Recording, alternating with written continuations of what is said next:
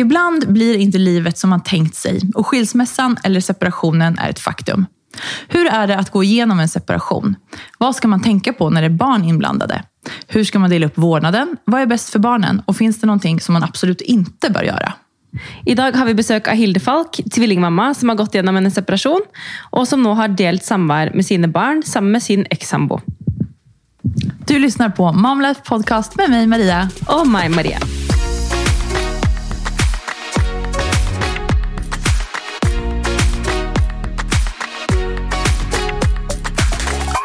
Välkommen hit Hilde! Tusen takk! Så kul at du er her! Veldig hyggelig at jeg fikk lov å komme. Ja. Vil du berette litt om deg selv? Ja, eh, ja jeg bor jo på Vålerenga med tvillingene mine, som er seks år gamle. Og eh, jobber som markedssjef i Thais Mobile. Spännande. Eh, det er ganske nyoppstartet, så vi, eh, vi er litt sånn startup. Veldig spennende. Gjør mye morsomme ting. Mm. Och tvillingmamma. Ja. Altså, beretta. Ja, altså jeg elsker å være tvillingmamma. Jeg sier til alle at prøv å ha tvillinger hvis du kan. Det kan man jo som oftest ikke bestemme selv. Men det er jo, eh, det er jo høyt og lavt, og mye som skjer. Eh, Og så er det jo litt annerledes for meg, siden jeg har dem jo nå bare 50% av tiden. Så da har jeg litt mer tid til å slappe av og hente meg inn. Og så er det ekstra fokus når jeg har eh, barna. Mm. Hur var din graviditet? Du vet hva, det var, eh, det var litt sånn, eh, nesten litt sånn irriterende bra, tror jeg. Um, for jeg var relativt ung da jeg ble gravid med tvillingene. Jeg var 28. Um, så jeg hadde en kjempefin graviditet. Og ble veldig stor på slutten, så etter hvert så begynte det å bli litt tyngre. Um, men jeg hadde ingen store plager, og var rundt omkring og sykla rundt med svær mage og holdt på. Så det gikk egentlig veldig fint. Hvordan var det da du fant ut at det liksom var to babyer inni der? Nei, vet du hva? Det, det, var, det var skikkelig sjokk. Um, vi, vi, det var litt sjokk å bli gravid. Vi hadde ikke planlagt det sånn ordentlig, i hvert fall. Um, og så skulle jeg på en sånn veldig tidlig legetime for å ta blodprøver. Jeg var altfor tidlig uke, eh, ute, i uke ni.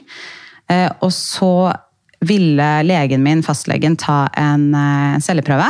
Og da kjente han at livmoren min var litt sånn stor, så han, han trodde at det kanskje var et svangerskap utenfor livmoren. Eh, Og da var jeg der helt alene uten eh, Christian, som er pappaen til barna. Så jeg tvang han til å ta en ultralyd eh, på dette fastlegekontoret, som han ikke tror jeg kunne ordentlig.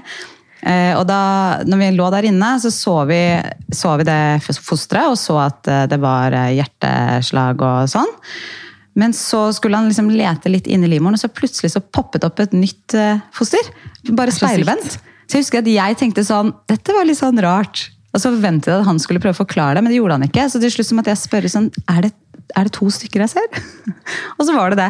Så det var, det var veldig, veldig, veldig sjokk. Ja, og vi fant ut veldig tidlig. Men, um, men ja, vi klarte å snu det til noe positivt etter noen uker hvor vi fikk summet Litt sjokk først, og så var det greit etter hvert. Ja.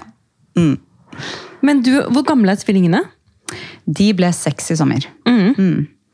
Og, og du er nå da ikke sammen med pappa. Det stemmer. Mm. Vil du fortelle litt om uh, Ja, det kan Det? jeg gjøre. Em, vi uh, var sammen frem til tvillingene var tre og et halvt. Uh, og så Vi hadde gått i, i parterapi i flere år, faktisk. Sånn preventivt, som jeg tenker at er en veldig sånn fin ting å gjøre. Og så eh, var det eh, en time vi hadde der, hvor det kom frem at eh, ting var litt tøffere enn eh, vi, jeg i hvert fall hadde forutsett. Em, og da gikk vi ganske mye hyppigere til den parterapeuten i en periode. Så det var en lang prosess, men vi hadde vel en tre måneders tid kanskje, fra vi kjente på at ok, dette, det er noen ting som, som går litt dypere, til, eh, til vi til slutt eh, skjønte at eh, vi var nødt til å gå fra hverandre, at det var det riktige valget å ta. Men du sa parterapi, at ni gikk i forebyggende syfte. Ja, altså, Berätta om det. Hvordan kom ni fram til det besluttet? Ja. altså, vi har, vi, jeg og Christian vi traff hverandre eh, i 2012, og da flyttet jeg til London bare en måned etter at vi traff hverandre. Så vi hadde et avstandsforhold første året. Så vi var litt sånn litt sånn eh, unconventional par som faktisk begynte i parterapi før vi fikk barn. Vi hadde en sånn tøff eh, runde, og så hadde vi ikke lyst til å gi opp. Og så foreslo Christian, tror jeg, faktisk, at vi skulle gå og snakke med noen. Så vi gjorde det. Og så etter det så hadde vi det litt sånn i bakhånd. Um, og så gikk vi ikke der på noen år, men etter at tvillingene ble rundt et år, så eh, gikk vi tilbake fordi vi følte at vi trengte å få lufta en del ting. Eh, og så etter det så fikk vi liksom løst opp i en del ting som hadde skjedd der og da. Og så tenkte vi at dette er en fin ting å, å fortsette med. da, Å ha den på en måte friplassen til å ta opp ting som kanskje ikke er så lett å ta opp i hverdagen, eller at man får lufte ting man ikke har orket å ja, gå inn i ellers. Kjente du at ni pratet bedre med hverandre hos under parterapien enn hva ni gjorde hjemme? Ja. Eh, vi er veldig forskjellige. Jeg prater om alt hele tiden. Eh, og Christian er en litt annen type enn meg. Så jeg, jeg tror vi begge følte det, fordi man får en en, en tredje person som er eh, som er på en måte liksom objektiv. ja, liksom Utenfra. Mm. Uh, og så holder man seg litt mer sånn i tøylene. Man blir ikke like Eller vi, jeg, blir ikke like dramatisk. Nei, det gjelder begge to. Man, man snakker på en litt annen måte, og så får, blir man stilt noen spørsmål som man kanskje ikke eh, man ville kommet inn på, da, hvis det bare var meg og han. Mm. Jeg har aldri gått i parterapi selv, men jeg syns det låter veldig interessant. Altså, jeg liker tanken. Hvordan er det når man går ut ur rummet, når man har vært hos terapeuten? Så begynner dette å bli lenge siden. Men jeg husker at altså, noen av de tøffeste rundene vi har hatt uh, altså, Alt jeg sier nå, blir jo veldig fra mitt perspektiv, da, men også, nå snakker jeg, vil bare få sagt det. Men eh, jeg husker at når vi gikk ut eh, av rommet etter veldig tøffe runder, så var det, var det ordentlig kjipt. Det var tidvis ganske laber stemning. Men vi hadde fått tatt opp ting som jeg kanskje hadde gått og følt på at lå der litt sånn underliggende. Ehm, så jeg tror vi begge følte at det var bra for oss, for å komme oss videre og få, få liksom løst opp i noen knuter. Mm. Hvordan mm. tror du at ert forhold påvirket etter at dere fikk barn? Ja, jeg har tenkt litt på det. Jeg og Christian, da vi fant ut at vi skulle ha tvillinger, så var det veldig mange rundt oss som, eh, som uh, sa at det kom til å bli kjempetøft. Uh, og vi hadde jo ikke barn fra før heller, sånn at det var den første gangen vi skulle bli foreldre. Så vi hadde, tror jeg, begge en sånn forventning om at det kom til å bli veldig slitsomt og veldig vanskelig. Og så tror jeg vi eh, ble oppfattet som et nesten litt sånn irriterende par, fordi vi syntes det var så innmari greit i starten. Så vi var litt sånn all over the place og ble nesten styrket vil jeg si, som par i den prosessen. Og, og vi gikk jo selvfølgelig da gjennom noe veldig stort sammen, som man gjør når man blir foreldre, og man ser hverandre på en annen måte. Og ja. Eh, også det at det var tvillinger, gjorde at vi eh, naturlig fikk en eh, veldig sånn lik fordeling, eh, som kanskje ikke alle andre par får. Men Christian var jo like involvert i, i barna som det jeg var. Fordi han kunne gi flaske hvis eh, jeg ammet den ene, eller han kunne skifte bleie på den ene. og Vi kunne gi hverandre mye rom da, til å gjøre flere ting, og var sammen om veldig mye av det. Så det første året syns jeg gikk veldig fint, og vi var litt sånn all over the place og sosiale. og og jeg, jeg, følte at det var veldig også, egentlig bra for parforholdet på mange måter. Um, og så syns vi det var litt mer tøft med en gang de, de tippa et år. Da begynte vi å kjenne på det folk hadde snakket om. Hvor de plutselig begynte å gå rundt, men ikke skjønte noen ting. Og man kunne ikke snakke til dem, og de var to stykker, og den ene var et sted og holdt på å ta livet av seg, så var den andre et annet sted og holdt på å ta livet av seg. og dere prøvde å løpe etter og fikse alt sammen, liksom? Nettopp. Så det var, det var et skifte der for oss begge. Jeg tror vi begge er enige om at det fra ett til to år var ordentlig slitsomt. Og det var jo da, tror jeg, også at man, for oss, da, at man kjenner på den, vi kjente ordentlig på den Eh, den eh, på en måte, altså, mangel på søvn og eh, at man har mindre tålmodighet og liksom alle de litt sånn vanskeligere tingene kanskje kommer tydeligere frem eh, i en Jeg kan sånn merke det selv nå, på ett og et halvt. At man, eh, jeg kjenner meg veldig igjen i hvordan du beskriver den første tiden. At eh, man blir nesten litt sånn irriterende at det fungerer så bra. Ikke sant? At man blir det paret hvor bare, oi, alt flyter så bra på, liksom. Men nå kan jeg også kjenne at det, man er mer sliten, eh, det er høst, man er ikke så mye overskudd som man trodde man hadde. da. Nettopp. Ehm, men ja, å ha to, liksom, det er jo en ekstra, ekstra jobb i seg selv, det, da. Det er jo det. Mm. Så ja, og den, som sagt, den tvillingbiten tror jeg ikke vi Vi følte nesten at det var til en fordel fordi vi var mer Vi var litt strengere, vi måtte synkronisere dem på spising og søvn, og, som gjorde at ting på en måte tror jeg nesten var litt lettere enn det kan være for noen eh, som får ett barn.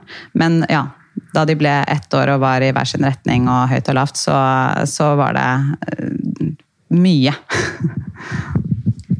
Det är ju en utmanande tid, alltså den här åldern som du beskriver nu. Jag känner också igen mig, precis som du säger Marie. Men var det här ni började ta upp parterapin?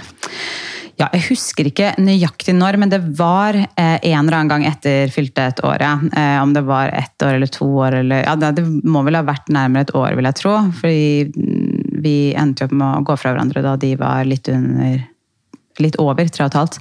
Um, så da, jeg lurer på om vi hadde en runde som var litt sånn tøff, og så tenkte vi ok, nå må vi nesten snakke med noen, trenger vi å snakke med noen igjen? Um, og da gjorde vi det, og da gjorde vi sikkert det intensivt i en periode vil jeg tro. Eh, og, så, eh, og så tok vi nok Nå husker jeg ikke dette sånn nøyaktig, men så tok vi nok og, og, heller lot det gå sånn tre-fire måneder mellom hver gang. Og vi satte opp en time i forkant, eh, mer sånn preventivt, for å ha muligheten til å gå og snakke om ting hvis det var noe som trengtes å snakkes om. da. Og hur var vardagen hemma mellan terapisnakken? Den Igjen, nå snakker jeg veldig ut fra min egen side, men sånn jeg, eh, den oppfatningen jeg sitter igjen med det, var at vi hadde en veldig sånn bra AS. Sånn, vi fikk ting til å funke og fly veldig godt. Eh, og så er vi supersosiale, både Kristian og jeg, sånn at alle våre venner de var vant til å se oss ofte. Eh, og invitere hjem på middag, eller dra til andre på middag, eller gjøre ting sosialt med og uten barn. Sånn at vi Det var ikke vi var ikke sånn klassisk par som folk tenkte at kom til å gå fra hverandre. Det var ganske mange tror jeg, som, som ble litt eh, overrasket. Eh, og samtidig så er jeg og Kristian veldig åpne, sånn at vi hadde jo snakket med mange om hvordan ting gikk, både om det gikk bra eller dårlig gjennom, gjennom forholdet. Men, eh, men jeg, jeg syns den hverdagsdynamikken mellom oss var jo bra. Og så hadde vi jo krangler som alle andre. Og så vil nok jeg syns ikke vi kranglet fryktelig mye, men der, der er det godt mulig at Kristian ville hatt en litt annen historie. Man har ulike oppfatninger. For det kan vi bare si at uh, Før vi begynte å, å, trykke på rec her, så sa jo du at uh, du hadde jo forhørt deg med din ekskjæreste om uh, at du skulle komme inn og spille inn podkast. Bare sånn at de som lytter, ja. vet at det var helt greit for han. Ja. og du er veldig flink til å si at dette, dette er fra ditt perspektiv. Ja. ja. Eh, bare sånn at lytterne vet det.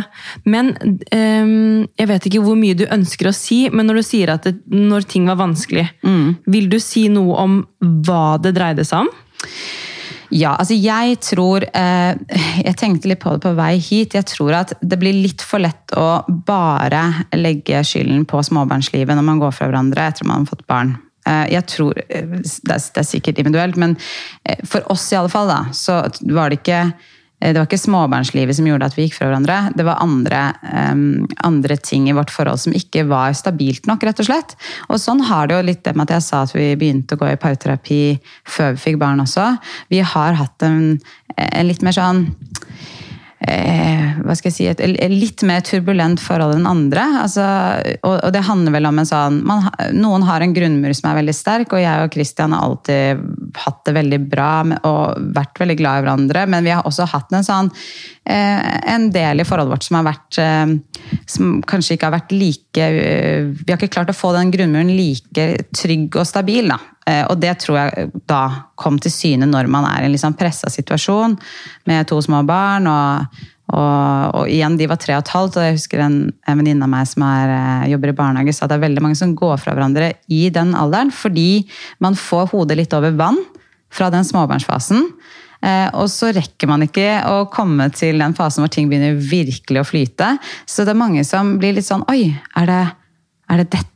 livet er. Mm. Skal, jeg, skal, jeg, liksom er det dette? Skal jeg ta til takke med ja. at alt bare er sånn som det er nå? Ja.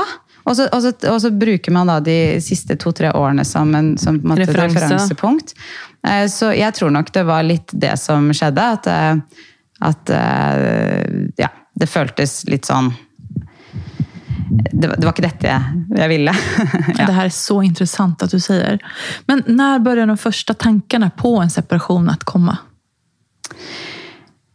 Jeg og Christian er eh, ulike på det der, så jeg tror nok jeg ville stått i det last og brast i, i, en mye lengre periode enn det han gjorde. Sånn at det var han som tok det opp eh, på den eh, pauterapitimen som jeg nevnte i sted, som var bare satt opp tilfeldig noen måneder i forveien. Um, og da sådde han et lite frø, og så begynte vi å snakke mye mer rundt det. og Jeg forsto at Eh, ting hadde vært tøffere for han enn det jeg var klar over. Og så tok parterapeuten tak i det, og så snakket vi rundt det. Og så i den, det var vel en tre måneders tid at vi gikk ganske da intensivt til den parterapeuten eh, etter den timen. Eh, I februar 2019 var vel det. Så i den prosessen på de tre månedene så jeg gikk jo mange runder med kan vi klare dette, skal vi, hva skal vi gjøre for å få det til å bli bedre, hva, hvilke endringer må jeg gjøre, hva må han gjøre? Og jeg tror Kristian også gjorde det, igjen nå snakker jeg litt på vegne av han, da, men jeg tror også han tenkte det, men jeg tror nok for han så var det tydeligere at det er ikke riktig for oss å fortsette å være sammen. Um, og i ettertid så er jeg helt enig med han, men der og da så syns jeg det var et mye tøffere valg fordi, fordi vi hadde to små barn, egentlig. Det var en hovedårsaken til at jeg syntes det var et vanskelig valg å ta. Mm. Mange som separerat eller skilt seg, sier jo at man aldri riktig kan forstå hvor tungt det er å faktisk gå igjennom en separasjon eller skilsmässa innan man er der og har gjort det selv. Alltså, hur gick dina tankar og hvordan kände du direkt da når ni verkligen separerade? Og hvordan kändes det efteråt? Altså, det var helt forferdelig. Det må jeg si rett ut. Det var helt grusomt. Eh, og nå er det jo nå er det jo to og et halvt år siden, så nå er det noe helt annet. Men der, det var helt forferdelig. Og jeg husker jeg gikk faktisk til en psykolog etterpå um, som sa det at mange eh, sammenligner det med dødsfall. Og det, mm. det, kan jeg forstå, fordi det er jo ikke et dødsfall, men det er et, på en måte et dødsfall av en, en familie som ikke ble. Um, så det var helt grusomt, og svartmala jeg det veldig. Men poenget er det at man, jeg i hvert fall var veldig, veldig redd for hvordan ting kom til å gå, for du har ingen kontroll. Måte, det er noen, som om noen bare tar livet ditt og risser opp ned, og så bare plutselig er klossene overalt, og du aner ikke hvordan kommer dette til å bli, hvordan kommer dette til å gå for barna mine, hvordan kommer de til å takle det? Og jeg, det jeg var aller mest redd for, var hvordan kommer jeg og Christian som par til å takle dette her? Eh, eller som da eh, foreldre til å takle dette her? Kommer vi til å klare å være venner? Eh, og det var det jeg syntes var aller mest skummelt oppi oppi bruddet. ja. Hadde du noen egen erfarenhet sen tidligere av separasjon? Jeg tenker skille foreldre, eller? Mm. Ja. Eh, mamma og pappa de gikk fra hverandre da jeg var to år. Eh, og så fikk mamma en ny kjæreste som jeg ble godt kjent med. Og sånn. Eh, og så ble de sammen igjen da jeg var fem, så, og er gift i dag. Sånn at jeg har opplevd det. Jeg bodde hos, eh, hovedsakelig hos pappa fra jeg var to til jeg var fem.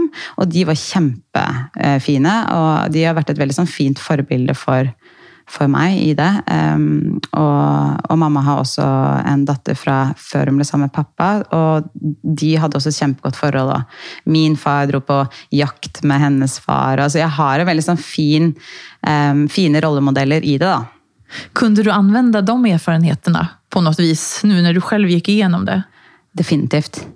Og jeg tror, jeg tror det som for meg eh, nesten var viktigst, var den det, det, høres ganske litt sånn, eh, litt sånn, kynisk ut, men jeg ble veldig sånn Nesten litt sånn taktisk i det. Veldig fokusert. Sånn ekstremt fokusert. Og det var sikkert en overlevelsesmekanisme i det også. Det med på en måte all det emosjonelle eh, på en måte turbulensen man går gjennom. Så var det litt sånn lett å forholde seg til, eh, til noe praktisk. Men, men da brukte jeg mamma og pappa eh, mye i det på å holde hodet kaldt og tenke hva er det som er viktig. Um, og igjen, jeg var så innmari redd for at jeg og Kristian ikke skulle Selv om ikke det var noe stygt brudd, så var jeg veldig redd for at vi ikke skulle klare å være rause med hverandre. Fordi man har jo mange ting man Altså, det er jo ikke bare lett i et brudd, uansett hvor, eh, hvor fint det bruddet har vært. Sånn at jeg var sånn beinhard på at jeg skal svelge kameler.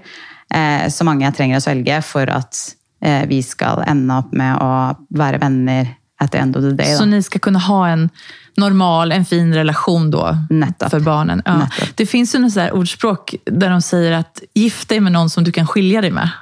Altså, det, det ligger kanskje noe i det. jeg, jeg, jeg var sånn, faktisk. Det burde man kanskje ikke si høyt, men jeg husker jeg sa det før jeg traff Christian.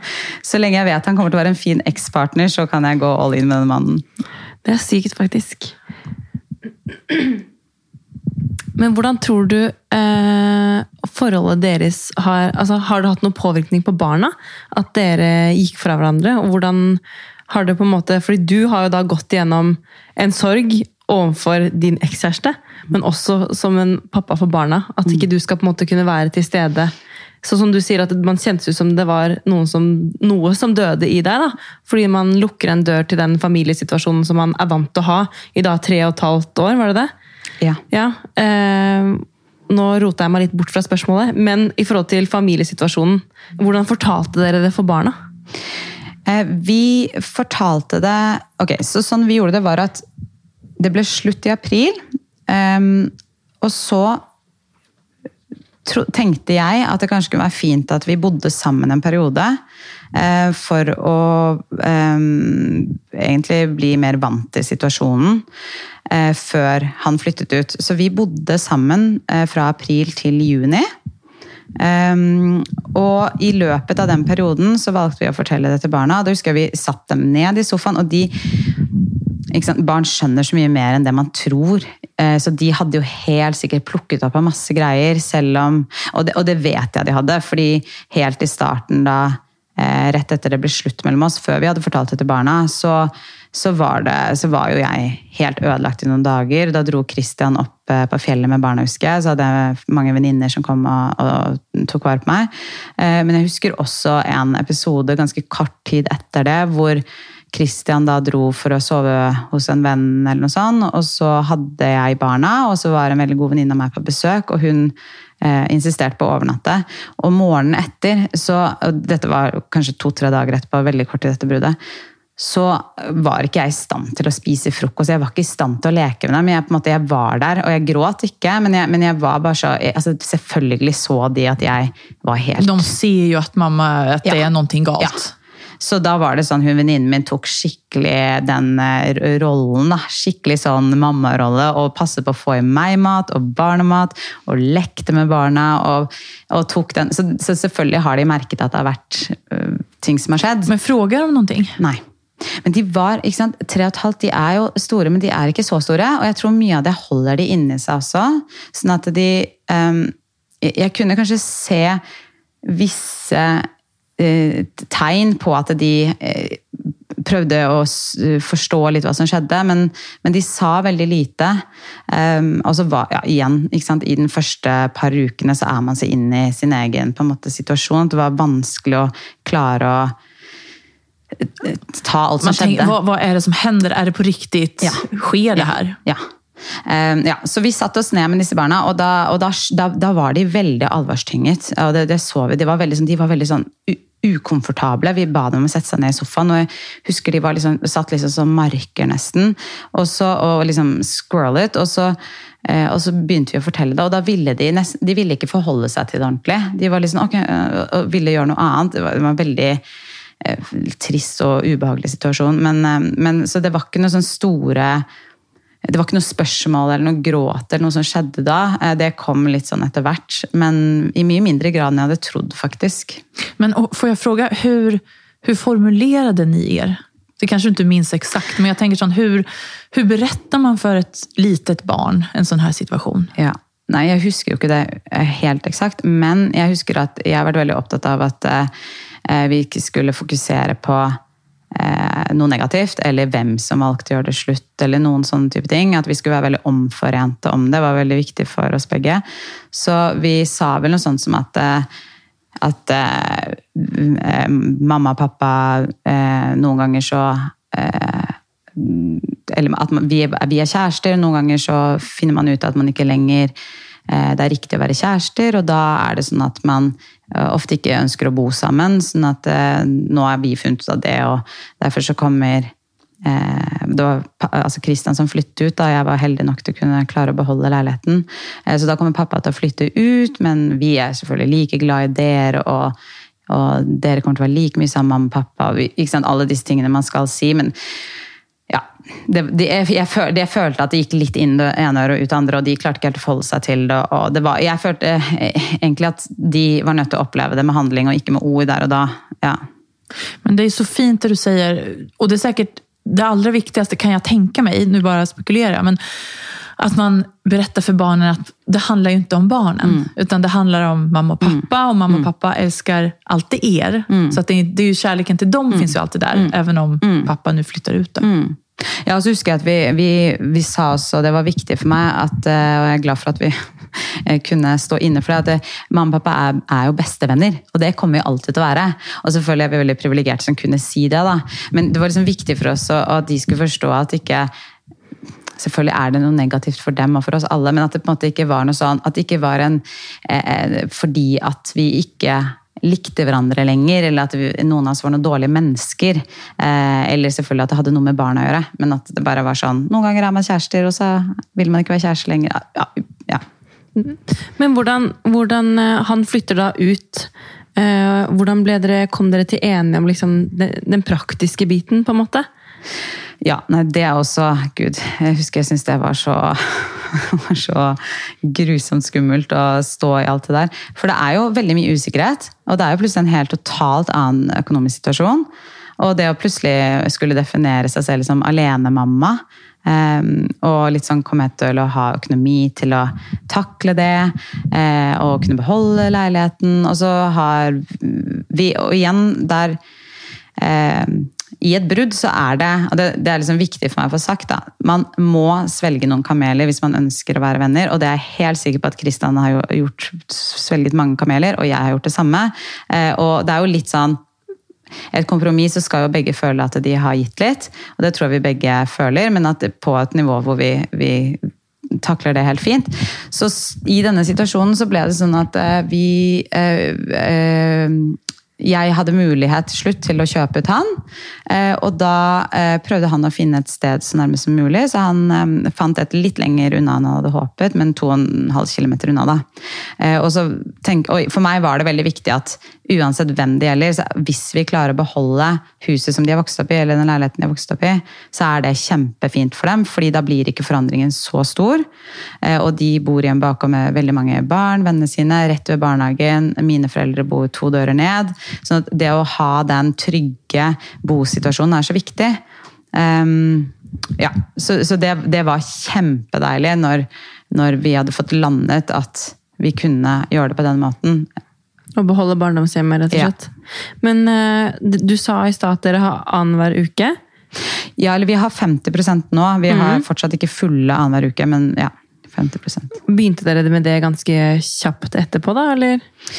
Altså, vi konfererte litt med forskjellige, og jeg følte at de var litt små for å gå fullt 50 eh, til ny leilighet og, og, og ikke se jeg håper å si meg. Mm. altså begge. Men at det, det barndomshjemmet hvor den tryggheten var, da. At de, at de, skulle være borte fra det så lenge.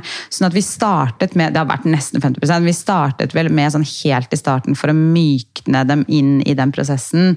Eh, så hadde Christian dem typ 35 og jeg er 65, eller noe sånt. Men i og med at vi ikke har hatt fulle uker, så har det vært litt sånn to dager her, tre dager der, to dager her. Um, men sånn at det ikke skulle gå for lang tid. Mellom, ja. Um, ja. Og, så, og, så, endret vi til 50% ganske kjapt tid etterpå.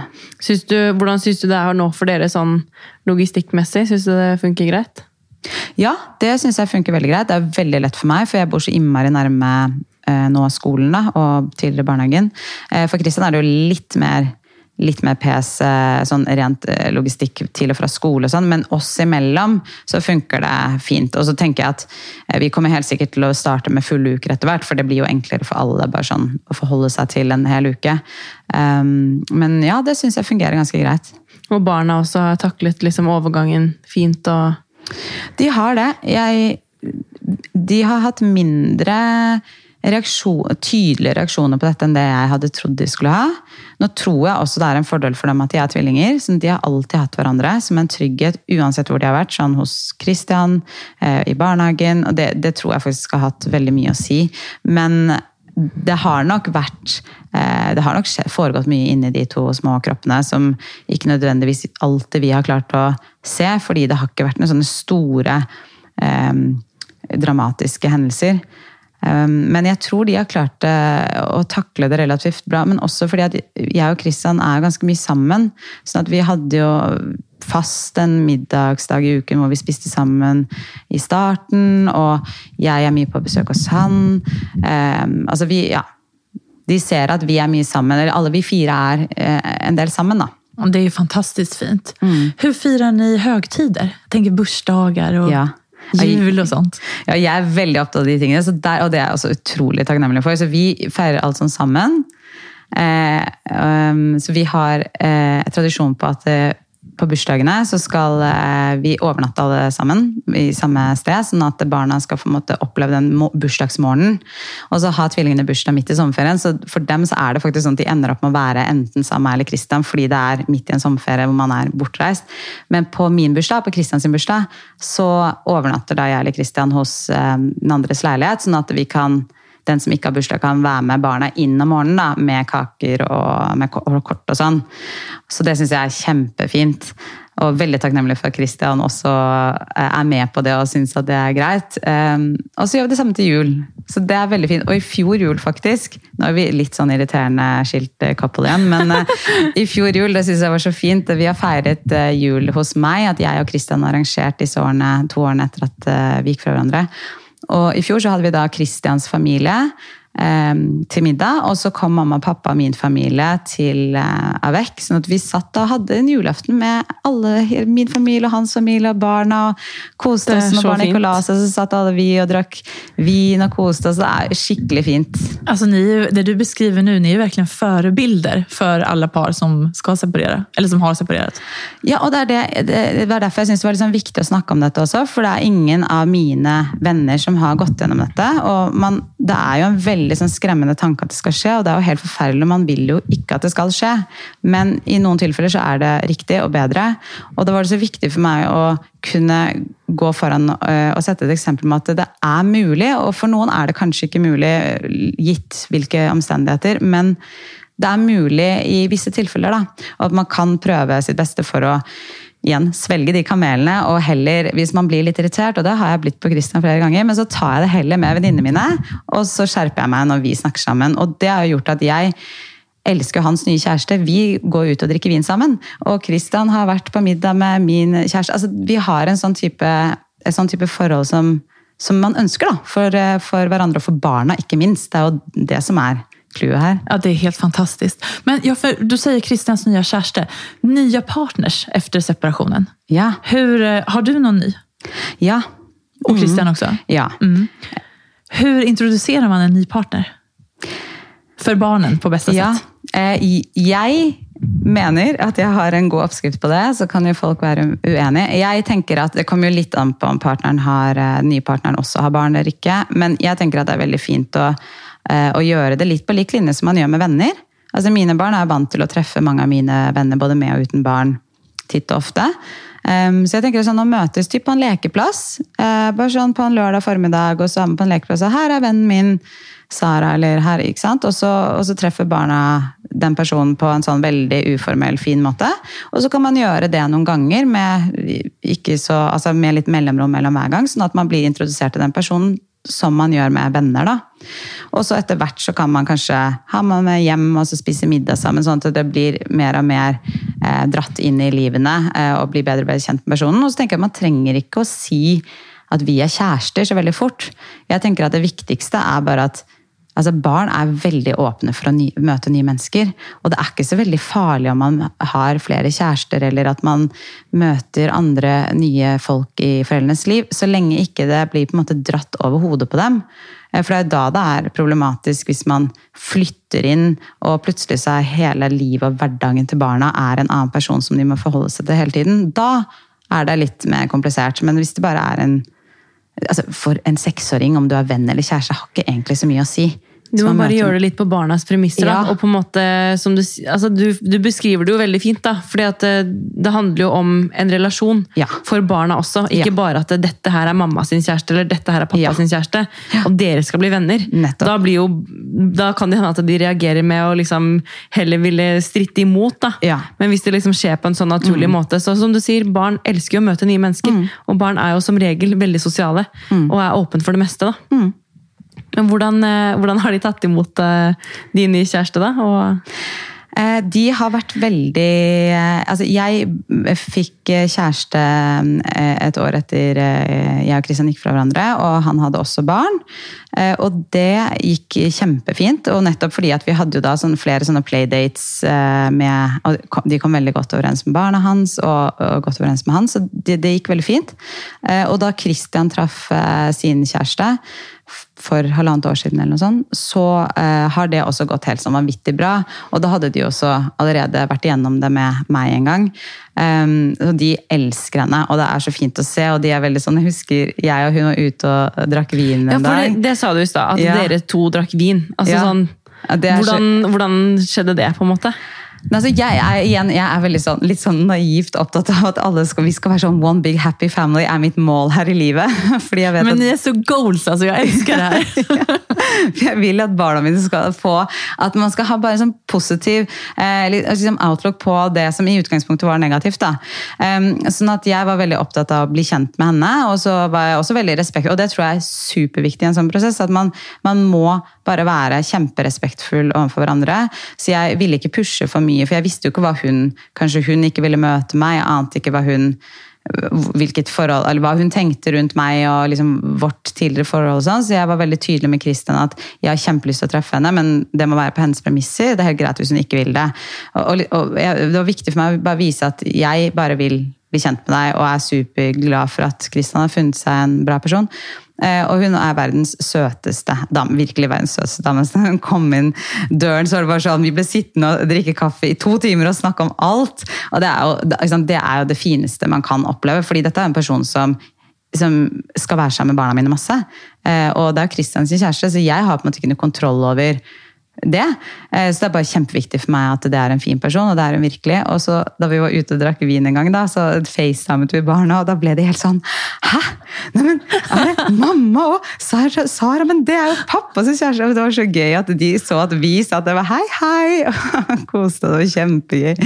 Så det er veldig fint. Det er så fint Hilde. det. Ja. Men nu har du pratet mye om alt det her bra som ni har lyckats skapa. Ja. Hva skulle du säga är nyckeln till en lyckad situation? Jag säger lyckad inom situationstecken. Yeah. Men, för det är ju fortfarande tufft såklart. Yeah.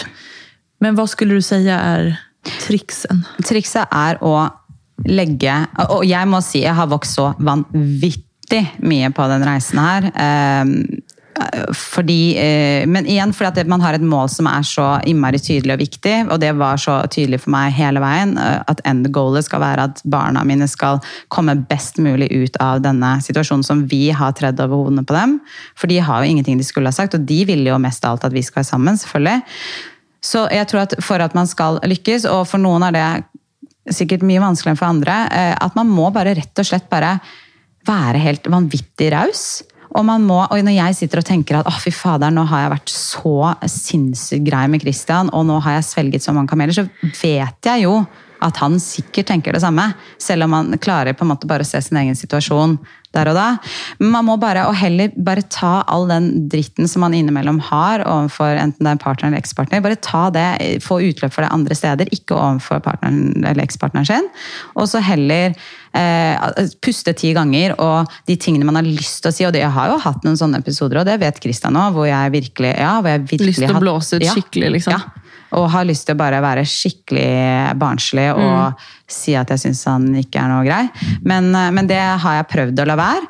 Og så har jeg heller pustet ti ganger og, og snakket med venninner om det. Og så har jeg- og så, og så, man, Nå er jeg veldig, Kristian er en helt fantastisk person, og, han er kjemperaus. Så det har jo selvfølgelig med hvem er ekspartneren din. Men, men da klarer man å dagen etter ta sammen og så bare legge det til side. og så Eh, og så møtes igjen. Men, men, det skal sies at jeg har jo opplevd andre par som, eh, som, har vært i samme situasjon, hvor det ikke har vært så enkelt. Og da igjen mener jeg at det er kjempeviktig å gå og snakke med en tredjeperson. Hvis man ikke klarer å gjøre det eh, sånn som vi heldigvis har klart, da, så gå og snakk med en annen som kan navigere litt og hjelpe en gjennom det. fordi det gagner ingen at man er uvenner. Det er ingen som tjener på det.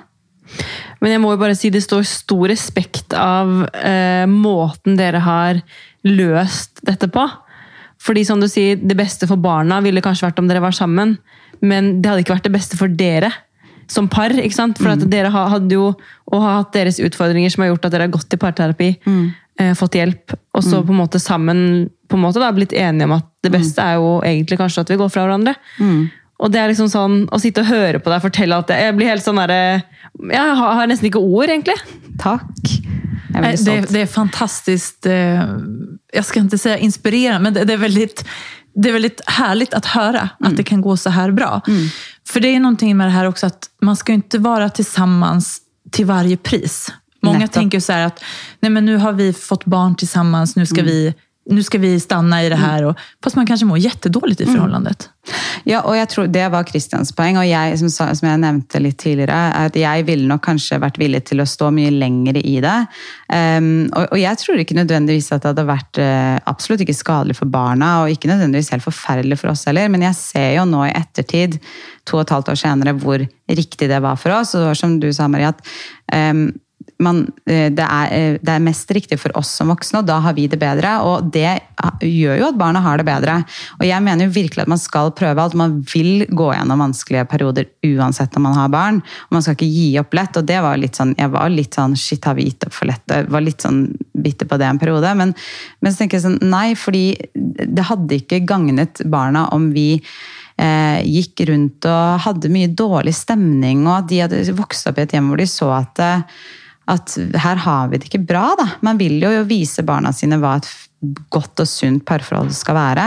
Sånn at hvis man har prøvd alt, og man tenker at det her er ikke riktig, så, så, så er det på en måte man føler seg litt mislykka, men man skal egentlig ikke gjøre det, tror jeg. Altså, da får man heller bare putte all energi inn i å prøve å få til det best mulige skilte, være det, best mulige skilte paret. Men, men, dere begge har jo nye partnere. Eh, nå kan jeg bare spørre deg, da, som sitter der. Men hvordan var det for deg å gå inn i et nytt parforhold når du eh, da har barna dine, og du har på en måte du har jo eh, fortsatt et godt forhold til ekskjæresten din. og Hvordan var det liksom å ta med deg hva skal jeg si, bagasjen inn i et nytt parforhold? Syns du det var vanskelig, eller? Mm, Egen... Du virker jo som en veldig åpen person. Ja, Det skal jo sies. Det, det er jeg. Og mm. det, egentlig ikke fordi han eh, jeg ble sammen med, han eh, hadde jo gått gjennom det samme. Han var ett år foran meg i løypa. sånn at ja, Det hadde nok kanskje vært eh, eller det, er helt umulig for meg å si, men vi kunne jo på en måte bonde litt over de samme tingene. Og jeg kunne spørre han om en del ting som lå et år foran, og høre litt hvordan de hadde gjort det. Så vi, det ble mer en sånn Dere fant hverandre litt ja, gjennom det òg? Ja en litt sånn støtte i den situasjonen. Og så skal man jo være litt forsiktig med at ikke det bare blir at forhold baseres kun på at man har eh, samme situasjon med å være skilt eller være gått fra eksen. Men eh, nei, jeg syns at det fungerte egentlig ganske bra. Men altså, jeg har ikke eh, gått fra kjæresten min nå, men vi begge to har jo en eks hvor man har en, en, en historie. Og det er jo ting man har brukt inn i det forholdet her. Så det er jo, det er jo egentlig ikke noe unormalt i det hele tatt, syns jeg. fordi at alle har jo erfaringer, enten det er basert på vennskap eller familie eller kjæresteforhold eller hva det er. Og det eh, de, de, fleste vil jo bruke det inn i en ny relasjon uansett. Ja. Mm. Ja, alla kommer ju med ett bagage och sen är det hur man använder det. Om man mm. kan dra nytta av det i sitt mm. nya förhållande. Men vad skulle du vilja säga till lyssnare nu som, som hör på det här och kanske går i tankarna på att separera? Litt for å oppsummere det jeg har sagt, så vil jeg si at eh, jeg tenker at det er veldig viktig å prøve det man kan når man har eh, barn sammen. Eh, fordi det er jo en, en avgjørelse som ikke bare påvirker en selv, men faktisk barn også. Så jeg tenker at det er superviktig å, å gjøre, altså ta de grepene man kan ta, da, om, man, om partneren er villig til å gå i parterapi. Jeg superpro parterapi. Jeg tenker at det er kjempebra. Og selv om vi gjorde det og ikke det funket, så har det sikkert hjulpet oss med kommunikasjonen vår i ettertid òg.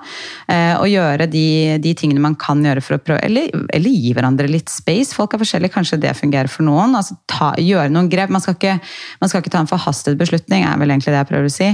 Men så tenker jeg også at man skal tilgi seg selv hvis man innser at dette ikke går lenger. At ikke heller, heller gjør det altså Ikke for tidlig, det er jo helt feil, men ikke gjør det for sent. Ikke gjør det at det er så sent at det, man, ting er blitt så vanskelig og, og sårt at man ender opp i en situasjon hvor det kanskje er vanskelig å klare å få til et Og det viktige, altså, det å ha sånn kjempevennskap som at jeg og Christian har klart å ha etter at vi gikk fra hverandre, det er jo, men at man i hvert fall klarer å oppføre seg og være sammen med barna sammen. At barna ser at man snakker fint om hverandre og ikke sier stygge ting om hverandre bak ryggen. Eller, altså, at man klarer å være et forbilde for barna. da.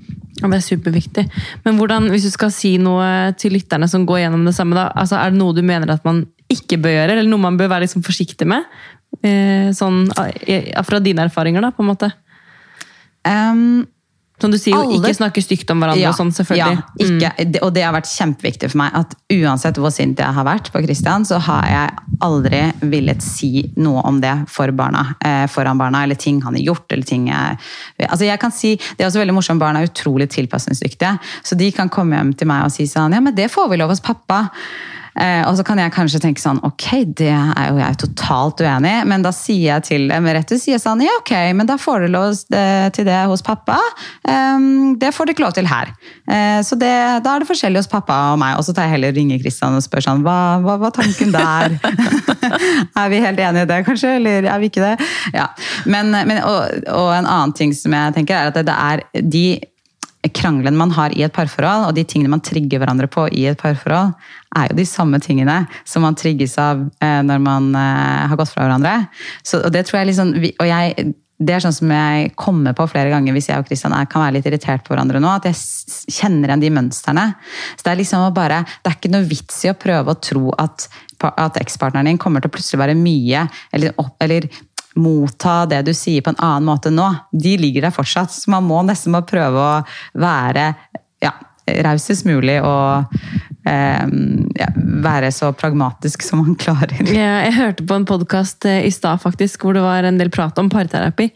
Eh, og da sier hun parterapeuten at uh, uansett hvor mye man går i terapi og prøver å lære seg ting om den andre, så er det jo kun deg selv du kan gjøre noe med. Det har man jo aldri hørt før. da. Men det er så liksom, bare å minne seg selv på det. Fordi at det er alltid ting ved en annen person man vil irritere seg over. Eh, uansett hvor glad du er i den personen. Så man må jo bare prøve å liksom Ja, du er sånn, men jeg er ikke sånn. Ja. Akkurat. Nej, för du kan, du kan ikke endre en annen människa, du kan bare endre deg selv. Og likadant med situasjoner også som hender. At vissa situationer kan du kanskje ikke påverka mm. selv, utan, men du kan, på, det du kan påverka er ditt eget sett på hvordan du ser på saken. Ja, absolutt. Veldig interessant og kul å ha deg her, Hilde, og høre din berättelse.